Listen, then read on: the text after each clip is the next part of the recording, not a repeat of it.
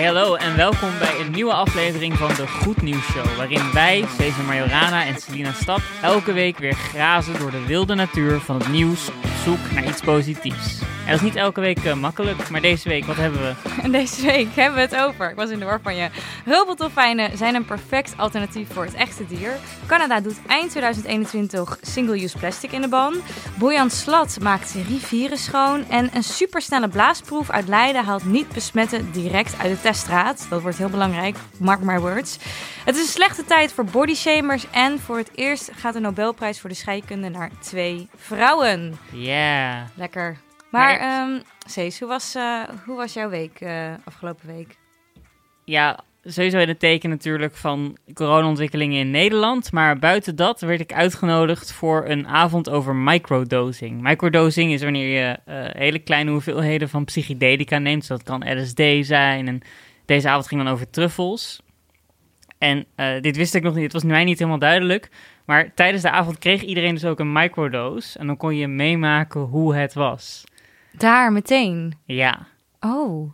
dus ik was daar gisteren en ik heb een microdose truffels genomen. En ik, eigenlijk duurde het twee uur. En toen dacht ik, weet je jongens, ik ga weer naar huis man, dit is echt helemaal niks voor mij. Oh. Maar je hebt het daar genomen met iedereen tegelijkertijd en toen voelde je iets of niet? Nou, het, het, het effect was sowieso erg miniem, het was een hele kleine hoeveelheid. Maar ik ben, kijk, ik ben sowieso heel sceptisch over het microdoseren van drugs. Ik denk, zeg maar, of je gaat naar de tering of niet. Want microdosing is zo'n gekke... Het is ook een soort subcultuur op zichzelf. Het is bijvoorbeeld heel Silicon Valley. Het is heel erg modieus. Je ziet het veel bij grote techbedrijven, mensen in de financiële sector... die allemaal nu psychedelica aan het nemen zijn met het idee... Oh, want dan ben ik productiever. Oh, dan haal ik meer uit mijn dag. Dan zit ik beter in mijn vel om beter te werken. En ik vind dat zo weird, omdat ik me niet kan voorstellen dat psychedelica, wat ooit begon bij neem deze druk en ontdek het binnenste van je ziel. Wat ook een schampere belofte is, maar goed. Dat was de initiële belofte. En dat is dan nu helemaal omgetoverd naar... neem deze druk in een hele kleine hoeveelheid... zodat je harder kan werken voor je baas.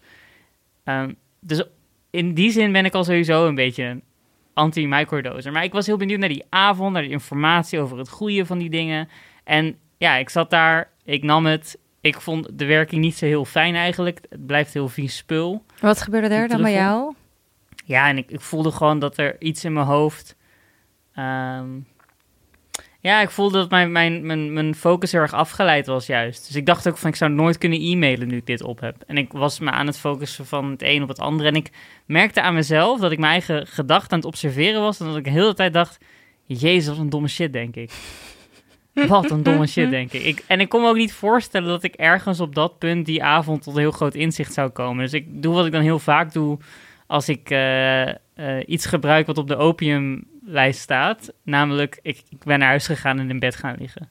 Wat kut. Nee, ja, niet heel kut. Ik dacht gewoon van, weet je wat, ik ga lekker in mijn bed liggen, dat is comfortabel. En ik had toevallig eh, allemaal chocoladerepen gehad van een chocolademerk die dat mij had gestuurd. Dus ben ik allemaal gaan eten.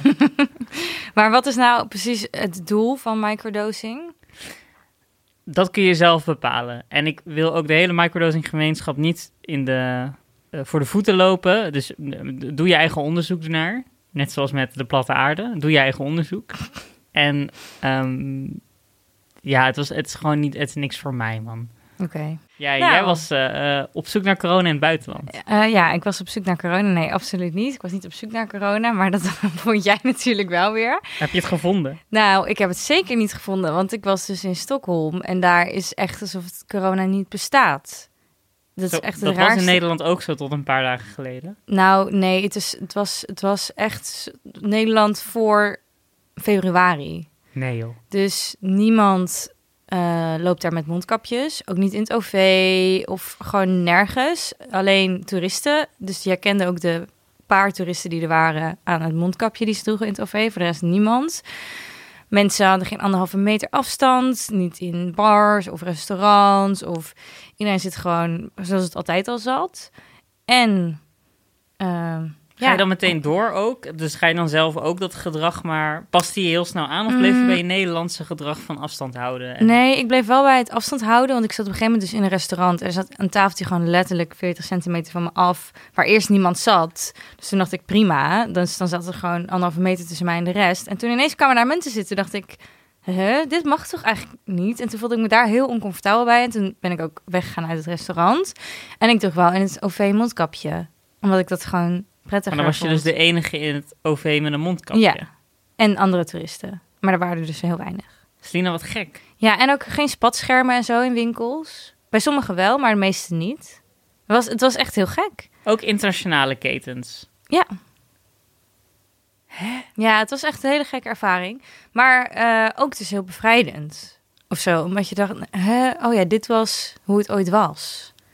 En wat ze daar dus doen, ze hebben daar een, een ehm, corona-manier van aanpakken. Kijk, ten eerste is Zweden natuurlijk een stuk groter dan Nederland. Dus eh, de kans, de, de, het is veel makkelijker om afstand te houden dan, dan hier. Maar Stockholm is natuurlijk gewoon een wereldstad en heeft nog meer inwoners dan Amsterdam als het goed is. Ehm, maar daar hebben ze, zijn ze alsnog zo makkelijk met die regels. En dat komt omdat zij dus nooit een lockdown hebben gehad. En blijkbaar heel veel van Zweden het al hebben. Dus 20% schijnt al antistoffen te hebben. Dus dat is, nou ja, 1 op de 5 Zweden heeft al eh, antistoffen. En ehm, ja, ze zijn, hebben een soort... Zij, zij, ik las een artikel, er staat van ja, dit is geen sprint, de strijd tegen corona, maar het is een marathon. Dus we moeten ook regelgeving hebben die we lang kunnen volhouden. Want misschien is er pas een vaccin over drie of twee jaar. Dus dan kunnen we niet steeds van lockdown naar lockdown gaan. En eh daarom hebben zij ook veel meer doden onder vooral ouderen natuurlijk. Dan an- alle andere landen die, eh, die corona hebben gehad qua in de, in de westerse Maar ze wereld. kunnen de druk blijkbaar wel aan. Ja, Oké, wauw man. ja. Door naar het nieuws. Door naar het nieuws.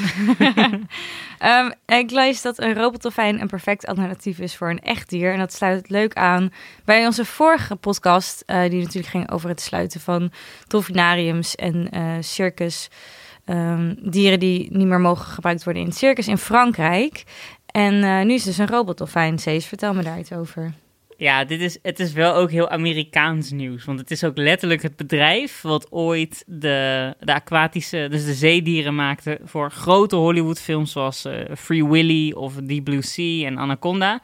Die hebben een dolfijn gemaakt die 250 kilo weegt, 2,5 meter groot is. En het is een volledig robotische dolfijn die er echt, echt heel echt uitziet.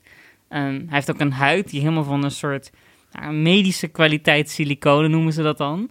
En ja, ik kan niet anders zeggen dan deze robotdolfijn ziet er heel echt uit. En het plan is ook, we gaan hem inzetten op plekken waar we nu met echte dolfijnen, dus dolfijnenshows, dolfinaria, daar hebben we gewoon een robotdolfijn nodig. Want hoezo echte dolfijnen gevangen houden als er een robotalternatief bestaat? Ja, ik vind het een gek genoeg plan om te denken, ja, dat kan werken. Ja, ik vind het een topplan. Geen echte dolfijnen meer, maar robot. Ik ben wel benieuwd of mensen het net zo spectaculair gaan vinden als een echt dier. Ja, nu wordt echt beproefd of het nou daadwerkelijk gaat. Want veel van de argumenten voor dolfinaria zijn... oké, maar we willen hè, die prachtige dieren in het echt kunnen zien... zodat we leren over hoe ze leven. Dat, hè, dat je op aarde het recht hebt om te zien hoe mooi onze natuur is. Oké, vind je het dan goed als het een robot is, ja of nee? Zeg maar. Ja, maar heb, het is ook, heb je recht hoe mooi de natuur is. Maar het is natuurlijk geen natuur als jij gewoon een zwembadje aanlegt en een dolfijn erin heen, ook ja, niet. Nee, precies. dat Al is geen natuur. dolfijnen shit. Ja, plus ik, sinds dat jij me hebt verteld dat dolfijnen worden afgetrokken. ik ben sowieso helemaal klaar. En ik, zou me ook, ik vraag me ook af, moeten ze die robot nog gaan aftrekken of is dat echt van de baan nu? Ik zou wel echt toch voor de robot ook aftrekken zijn. Het hoort er niet gewoon bij en dan ja, is de toch? vibe voor de sport. Ja. Hey, eh, het is wel echt peperduur. Het kost miljoenen om zo'n robot te maken. Ehm, dus het gaat lang duren waarschijnlijk voordat we erop overstappen. Maar ja, de business van het bekijken van dolfijnen is ook wel miljoenen. Je betaalt ook best wel wat geld om zo'n dolfinarium in te komen. En hij lijkt wel echt mega echt. Ik ben nu aan het bekijken. Hij lijkt echt heel ja, ik link in de show notes even een, een filmpje ook van de robotdolfijn. Ja. Ik ben groot fan. Ik vind hem misschien leuker nog dan echte dolfijnen. Ik nu ook, sowieso. Ehm, dan ga ik naar mijn korte nieuwtje. En dat is dat eh, Canada wil eind 2021 alle single-use plastic in de ban doen. Nou ja, single-use plastic die we gebruiken in bijvoorbeeld vooral horecagelegenheden. Ja, rietjes cups, ehm, plastic vorkjes, bakjes, eigenlijk alle, eh, tasjes, al dat soort dingen. Worden eind 2021 worden allemaal niet meer gebruikt worden. Ehm, en dat is ook omdat gewoon het grootste deel van de vervuiling in Canada in de natuur komt door plastic. In Canada kent natuurlijk een hele mooie en grote natuur. En eh, ze gebruiken daar nu gemiddeld elk jaar 3 miljoen ton plastic. Waarvan, alleen, waarvan maar eh 9% wordt gerecycled. En dat vinden ze gewoon echt te weinig. Dus nu wordt het gewoon helemaal in de band gedaan. En ze willen uiteindelijk in 2030 überhaupt eh, geen plastic afval meer produceren in Canada. Dat 2030 gaan ze voor. Oké man, Canada. Ja, dat zijn even statements die worden gemaakt. Als ik denk aan Canadezen, denk ik wel aan mensen die met een hele lekkere warme jas een beker Starbucks drinken of zuigen aan een rietje in een Starbucks beker. Dus dit, het is volgens mij ook voor veel mensen echt een... dus Is er protest op? Is er een tegenbeweging? Is er een pro-rietjes? Ja, er is altijd nog wel natuurlijk een tegenbeweging, maar nog niet echt een groot protest geweest. Mooi. Nee, dus dat wordt gewoon met je mok naar de Starbucks. Opgelost. Opgelost. We Door. gaan naar Boyan Slat. Ja, en al het nieuws over Boyan Slat, en voor de mensen die hem niet kennen, het is, het is het Nederlandse genie wat wereldwijd bekend staat als de jongen die de oceanen wil schoonmaken. En dat is een mooie missie, maar wat krijg je als je een Nederlander bent die iets moois wil doen? Dan hebben mensen een pesthekel aan je. Dus er is ook heel veel tegengeluid altijd op Boyan. Maar in ieder geval kort, zijn plan heet Ocean Cleanup. Je zet een groot, soort grote wasmand in de oceaan. En met een bepaald systeem van hoe het water erin komt, trekt het afval aan. Dat afval kan dan mooi verzameld worden in de wasmand en dan kun je dat weggooien. Nu eh, waren er bij dat initiële plan best wel wat critici. Er waren best wel wat mensen die zeiden van... Goh, maar Boyan, volgens mij kan dat helemaal niet. Ik weet zelf heel weinig van hoe het water werkt. Ik heb niet eens een zwemdiploma, maar ik ben wel heel erg Geen vatbaar. zwemdiploma? Laten we het daar een andere keer. Ik heb geen zwemdiploma's. Dat kan toch niet? Je moet toch A hebben, sowieso? Nee, maar laat me je vertellen over de immigrantenervaring in Nederland. Mijn moeder wist niet dat ik op zwemles moest. Ik heb gewoon nooit zwemles gehad. Dat was gewoon niet Maar een... kreeg je dat niet gewoon op de basisschool? Nee, ik ben elf keer verhuisd, waardoor ik ook nooit... Ik heb wel eens op, op twee basisscholen heb ik het wel eventjes gehad, maar de rest deed het dan weer niet. Dat is echt zielig. Maar ik, had wel, een- ik heb wel een paar kleurtjes, Kan je wel zwemmen nu? weet je. We moeten op zwemles. Iedereen wil met mij op zwemles. Dit, dit ga ik doen voor, maar wat doe jij dan? Ga ik jou Ga je mij helpen dit zwemmen? Ja, sowieso. Maar ik vind zwemmen dus ook helemaal niet zo leuk. Wat waarschijnlijk ook komt dat ik dus niet goed kan zwemmen. Nee. Maar oké, hier gaan we een andere keer verder over praten. Ocean Cleaner Project het draait dus om het schoonmaken van de oceaan. Nou, daar was kritiek op. Eh, Die kritiek is eigenlijk grotendeels toch wel gegrond. En jongens, een tijd lang in de media geweest om dat nog een beetje uit te praten. Maar dat project lijkt stil te staan, hoe ik er nu van als buitenstaander naar kijk. Eh, wel is er een project ook van Bojan. En hij zei, ik ga rivieren schoonmaken. En daar heeft hij een systeem voor, wat iets makkelijker werkt. Het is een soort dam. En door waterstuwing eh, eh, duwt het plastic zichzelf ook weer in een soort grote wasmand eh, die ze loslaten. En dit project is deze week aan de gang geweest. En ik heb filmpjes gezien, jongens. Ik kan met mijn eigen ogen zeggen. Deze jongen is de rivier aan het schoonmaken hoor. Ja, ik heb dat al eens eerder gezien, dat hij dit aan het doen was. Ja, en dat de missie nu aan het lukken is, is, is fijn. En, en bovendien is het goed hieraan dat die. Ik bedoel, er wordt zoveel. Er is best wel veel. Heb je het een beetje meegekregen? Dat het Bojan gezeik. Ja, ik heb dat wel meegekregen, ja. Ehm, dus hij heeft een soort. Volgens mij heeft hij bijna een soort PR-probleem. Maar eh, wat wel ook handig is aan dat, aan dat rivieren schoonmaken, is dat al het veel van het plastic in de oceaan komt natuurlijk uit rivieren. Dus als Ja. je het in de rivieren schoonmaakt, dan scheelt ook weer wat je uiteindelijk in je oceaan hoeft schoon te maken. Ja, joh. En ik bedoel, ja, we kennen allemaal de cijfers, maar het zijn miljoenen tonnen per jaar die inderdaad vanuit rivieren naar de oceaan stromen. En het schijnt dus ook zo te zijn dat tien rivieren eigenlijk verantwoordelijk zijn voor 90% van al het plastic. In ieder geval, dat zei een studie in 2017. Van in de oceaan. Ja, dus Ja. als we ons focussen op die rivieren, nou, dan, dan kunnen we iets betekenen. En nu is een van de keerzijdes van deze aanpak dat eigenlijk, ik bedoel, het schoonmaken van de oceaan is belangrijk, maar nog belangrijker zou zijn om te zorgen dat we inderdaad, hè, zoals in Canada, minder plastic productie hebben. Dus ook minder zwervend plastic, dus ook minder plastic in de rivieren, dus in de oceanen. Ehm, maar ja, dit, dit is duidelijk aan het werken, man. Ik bedoel, ik zie die video, ik zie al die troep in de, in de ook echt, ja, echt gewoon hele vuilniszakken en plastic flessen, alles wat door de rivier stroomt. Ja, Ja, en het is gewoon plus plus. Dus en we moeten minder plastic gebruiken als single-use plastic. En we moeten plastic opruimen. En nu is het eh, plan van de Ocean Cleanup om gewoon helemaal op rivieren gefocust binnen vijf jaar de duizend meest vervuilde rivieren getackeld te hebben. Binnen vijf jaar.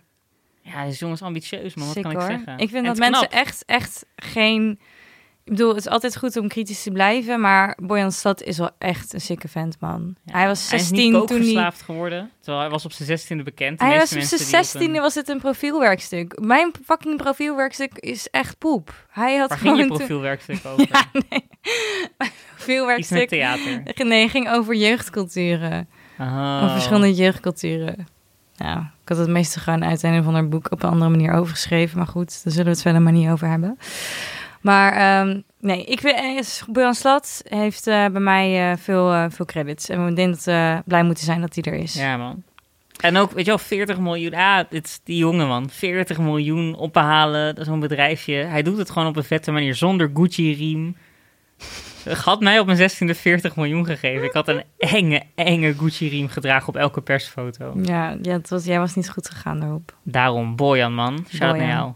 Dan eh, het laatste goede korte nieuws. Ehm, er is een supersnelle blaasproef slash test ontwikkeld... die ervoor zorgt dat we heel snel mensen op corona kunnen testen. En het is eigenlijk een soort blaastest wat we ook kennen... à la, eh, als je alcohol moet blazen moet voor alcohol. En dit apparaat detecteert dan deeltjes in de lucht die mensen uitademen... en eh, wordt in driekwart van de gevallen een coronabesmetting met zekerheid uitgesloten. Dus dat is echt superveel. En ehm, nou ja, uiteindelijk kan je dit dus natuurlijk op heel veel manieren gaan gebruiken. Ja, Namelijk toch? Ik zag ook... laatst een hele lange Twitter-thread ook van een guy die zei... Als we alleen maar sneltesten hebben en gewoon fucking veel... dan kun je groepen die samen zijn geweest allemaal sneltest geven. En als er dan één positief is, geef je iedereen een serieuze test en anders niemand. Ja, ja, of je doet met dit kan je dus op voorhand doen. Dus stel je hebt een concert, dan laat je iedereen gewoon blazen voordat hij binnengaat. En iedereen die positief is, kan gewoon naar binnen. En als het ge- geen uitsluitsel heeft of het is negatief, die mensen blijven buiten. Dus met dat soort dingen zou je dan weer langzamerhand kunnen opstarten, omdat je die blaastest hebt. En je hebt dus heel veel minder eh, druk op je, op je teststraten. Eh, want je kan heel veel mensen van op voorhand al uitsluiten. En waarom zien we deze blaastesten nog niet overal? Wat houdt het tegen? Eh, Omdat ze pas nu net echt klaar zijn. Oh, Dus de overheid heeft, al honderden blaastesten besteld. Het is in Leiden ontwikkeld. Ehm, maar ja, ze zijn nu pas echt... honderd is ook Klaar. wel te weinig, man.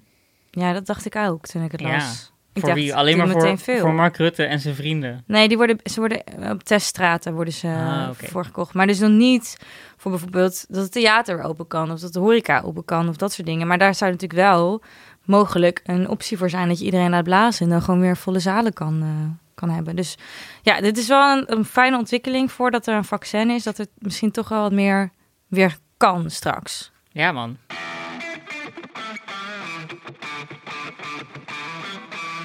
Dan gaan we naar het, eh, het grote nieuws.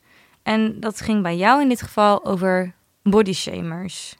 Ja, en dat is eigenlijk een, een verhaal wat gaat over de status van het vrouwelijk lichaam en wie daar eigenaar van is. Want er is een heel groot discours, gelukkig, over vrouwen die het recht hebben om eruit te zien hoe ze eruit willen zien. Dat is nog wel eens anders geweest in onze media. Eh, en als je kijkt naar de geschiedenis van vrouwbeelden, dan is er altijd wel weer een ideaal geweest. De ene keer moesten vrouwen er zo uitzien en de andere keer moesten ze hele dunne tailles hebben en dan weer grote billen en dan weer kleine billen. En door de jaren heen is er gewoon altijd heel veel gedaan over het lichaam van vrouwen.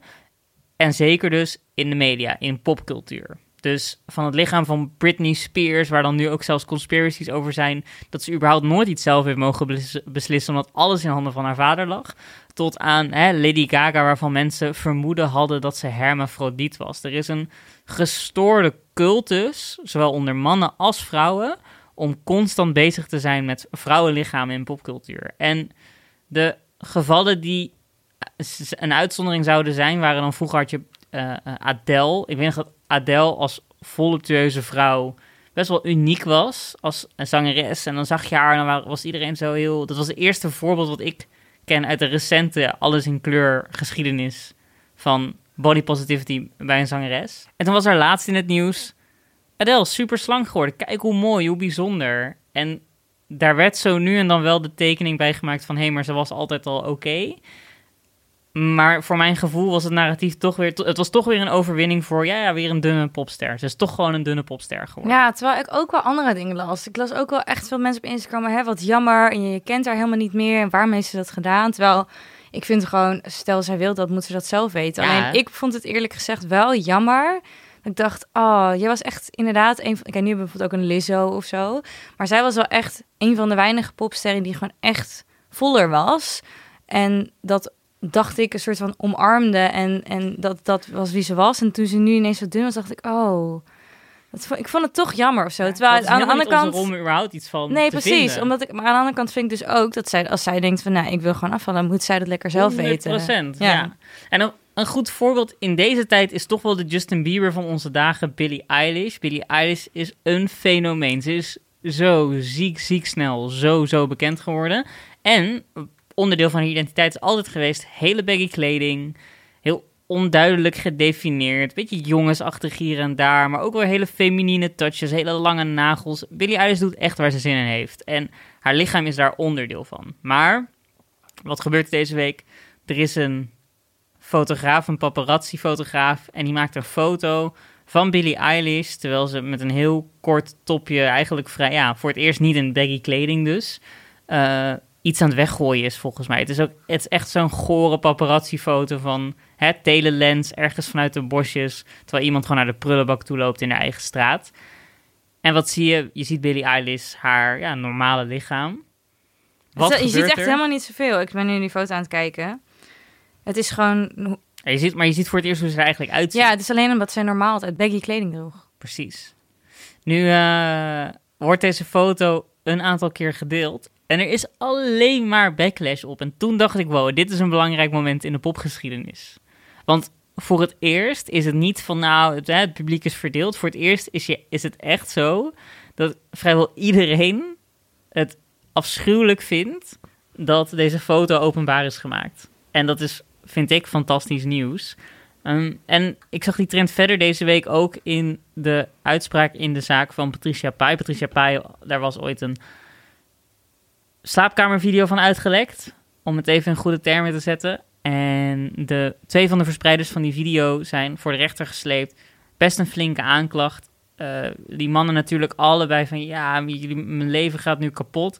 Patricia aan de andere kant die gewoon zegt van ja, maar mijn leven is zo stuk gemaakt door het verspreiden van die video's. Dat geen enkele straf goed genoeg zal zijn.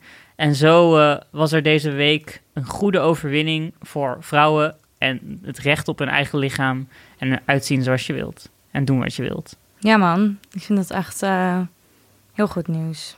Ja, en vet ook, Billie Eilish reageerde ook zelf in haar story op, eh, op de commotie van die dag. Want zij heeft natuurlijk een leger aan fans die haar verdedigen. Maar ze reageerde zelf heel casual met een reposten van een TikTok-video van een meisje die zei van... hé, hey, vrouwen mogen eruit zien hoe ze willen. Ja, en ze ziet er gewoon prima uit. De meest virale tweet die Billie Eilish verdedigde... was gewoon die gelekte paparazzi-foto... en daarnaast gewoon de foto van Billie Eilish op de Grammys... met zes Grammys in haar hand. en meer hoef je ook niet te zeggen, man. Ik wil alleen dat die paparazzi wel een kleine tik voor zijn neus krijgt. Ja, wanneer kunnen we, wat kunnen we doen om deze gast? eh, wat gaat er gebeuren? Weet niet, dat hij nu helemaal eh, met de dood bedreigd hoeft te worden, maar Nee. wel van deze hele... Het voelt ook zo ouderwets, man, paparazzi. Ik wist ook niet dat ze nog... eh, van alle mensen die in Dat ze deze nog crisis bestaan, hun baan tuurlijk. verliezen. Ja, maar maar omdat- mensen omdat- blijven altijd toch geïnteresseerd. Is ook gewoon een beetje de schuld van de maatschappij. Die willen toch uiteindelijk zien hoe Kendall Jenner eruit ziet als ze, eh, weet ik veel, naar Chanel maar de belofte loopt. van Instagram stories en überhaupt eh, eh, Instagram lives en toch het, belofte van sociale media is ook een beetje dat kijkje achter de schermen. Alleen blijkbaar Ja, maar ja, het is natuurlijk toch wel wanneer sterren zelf besluiten dat het zo is. En het is toch, denk ik, vinden mensen toch wel interessant dat ze worden Ja. gepakt op momenten da- waarin ze dat niet willen. het wantrouwen is er dan op, op Inst- dus blijkbaar is er wel een soort Instagram wantrouwen. We hebben dus niet het idee dat dat echt achter de schermen is. Maar al sinds mensenheugenis is Paris Hilton bijvoorbeeld iemand die zelf paparazzi belt op. Weet je wel, dat, dat er is een hele markt van mensen die zelf paparazzi bellen om iets te fotograferen. Ja. Eh, dus dat heeft volgens mij ook heel erg te maken met de esthetiek van de afbeelding. Volgens mij vinden we het goren van die paparazzi-foto's. Juist die lange lenzen, dat off-camera, niet geplande of zo. Dat, het is ook, Ja. dat er, mensen vinden het mooi volgens Ja, mij. dat, ze, dat, dat sterren... Mensen vinden vaak dat sterren een soort van... Dat ze een soort eigenaar zijn over sterren. Omdat ze zich in de openbaarheid begeven. Dat ze het recht hebben om te weten met wie ze daten. En hoeveel kinderen ze hebben. En hoe die kinderen er dan uitzien. En waar, die, waar ze wonen. Dat, dat, dat, ja... Het is toch een soort van... Iemand is niet een persoon, maar iemand is die ster. Zo zien mensen dat volgens mij veel. Door naar groter nieuws.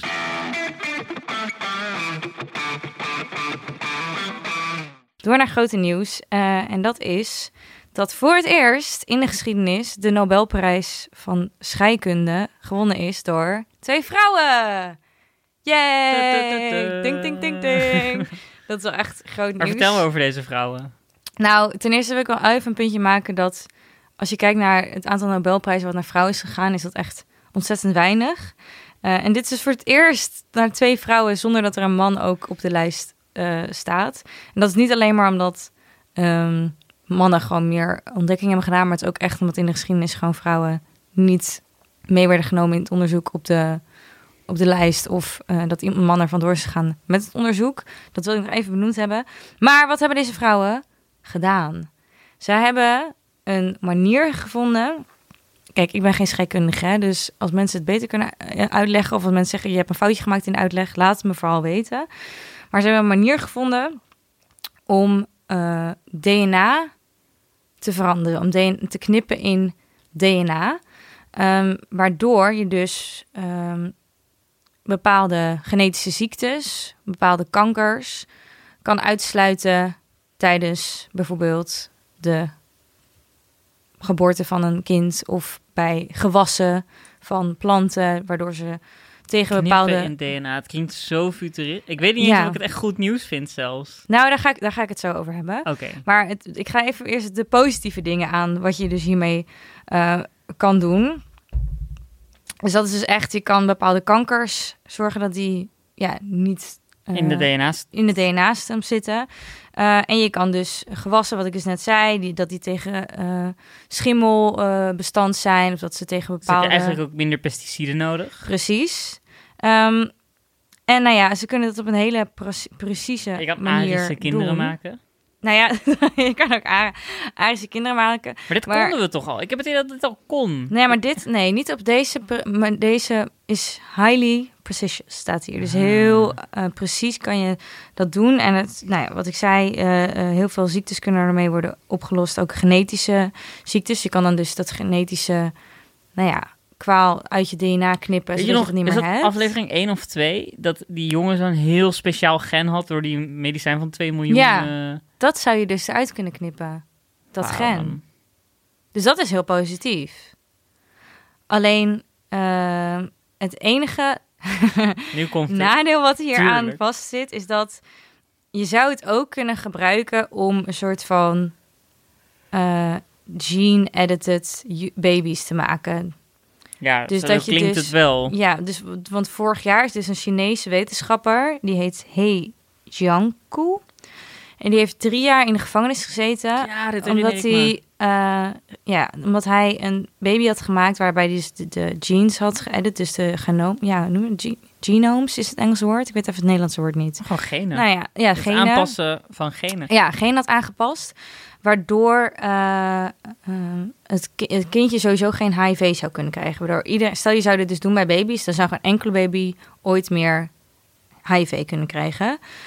Nou ja, dat is best wel specifiek en raar. Maar door dat experiment was hij dus in de gevangenis gekomen. Omdat ze toen zeggen van ja, dit kan je niet doen bij een embryo. Dat is ethisch niet eh, verantwoord. Ook al is het met een soort Tuurlijk. positief gedachte. Slippery maar je slope, bent- want waar stop je? Op een gegeven moment dan... Ja, ik wil, ik wil liever niet dat mijn kind glutenintolerant is, hoor. Ja, Ik wil niet dat mijn kind eh, zometeen bij de koffiecompany om sojalattes vraagt. Precies, dat soort dingen. ik ben zeker dat kind. Maar ehm, dat is dus een soort van andere kant van de medaille. Je zou er dus ook, eh, ja, er, Maar je zou dus niet. Het gebeurt, het gebeurt dus al. Het glipt er al tussen. Het gebeurt. Nou ja, dat is dus gebeurd, maar daarvoor is hij ook in de gevangenis terechtgekomen. Dat is één keer dat we het weten.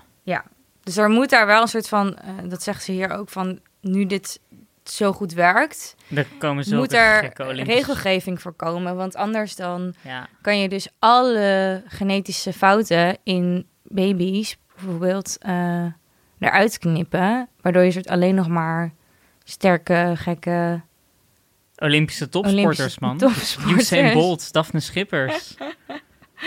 Daphne Nou ja, dat soort dingen. Terwijl, ja, wat is, weet je, wat, waar trek je dan de grens? Maar ja, dat, is natuurlijk, dat zijn nog steeds ethische discussies. We hebben de vruchtwaterpunctie, waardoor dus eh eh, zwangere vrouwen kunnen zien of een kindje bijvoorbeeld Down heeft. Of dat kan ook nu inmiddels via een En wat, bloedtest. en wat kan je dan doen? Kan je dan zeggen, nou, dan hoef ik hem niet? Ja, dat kan.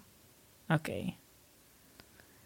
Ja, hier hebben we gewoon goede filosofen voor nodig. We gaan het niet zelf kunnen oplossen. Nee, maar dat is dus nu, dat is nu al iets wat er wat gaande is. En eh, een eh, programma dat in Denemarken is vorig jaar gemaakt, dat heet The Last Downers. Want in Denemarken zijn dan bijvoorbeeld bijna geen mensen meer met Down, omdat zij die test al veel eerder hadden goedgekeurd. En ja, dus daarom veel minder mensen met Down zijn, omdat, die, omdat toch veel vrouwen of gezinnen dan eh, kiezen voor dat het kindje dan niet te krijgen. En dat is natuurlijk wel een soort van Dus vraag er komt van daarom ja, zo meteen alleen nog maar voor bij religieuze fanatici die sowieso niet zo'n prik zouden doen. Ja, misschien. Maar ja, dat zijn natuurlijk ethische kwesties. En dat is nu al, daar is al een besluit in genomen. Dat is gewoon, nee, dan de, dat, dat mag in Nederland. Maar als dit er dus echt komt en meer wordt gebruikt, nou, het is er al, dan kan je natuurlijk op heel veel vlakken dat gaan, eh, ja, een keuze in gaan maken. En dat, dat moeten we denk ik niet willen.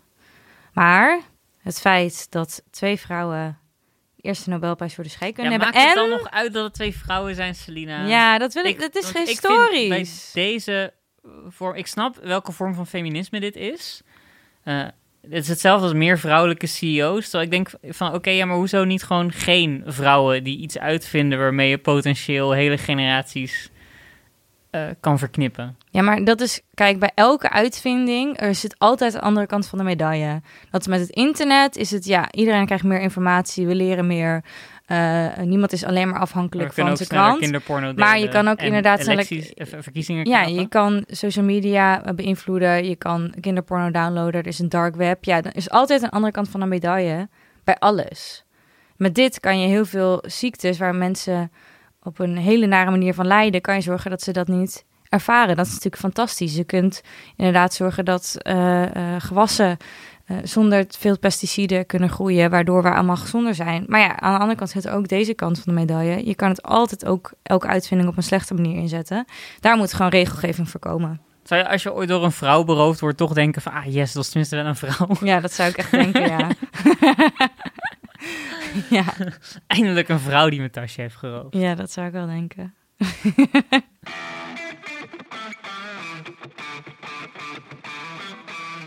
We gaan naar ons laatste item. En dit is behalve een item ook een advies, dus ga er goed voor zitten. Ik heb namelijk voor onze categorie, maar wat doe jij dan? Waarin we op zoek gaan naar manieren om zelf een goede invloed te hebben op deze rare planeet. Eh, heb ik geknipt in het gen van iets. Ik heb namelijk het volgende gedaan. Ik heb eh, heel veel wijn gekocht. Doe ik sowieso graag. Maar ik heb het dit keer gekocht van de nonnen van Sint Catharinadal. En dit was een aantal weken geleden een klein nieuwtje hier en daar. Want wat is een van de gevolgen van de coronacrisis? Er zijn nonnen in Nederland die wijn maken.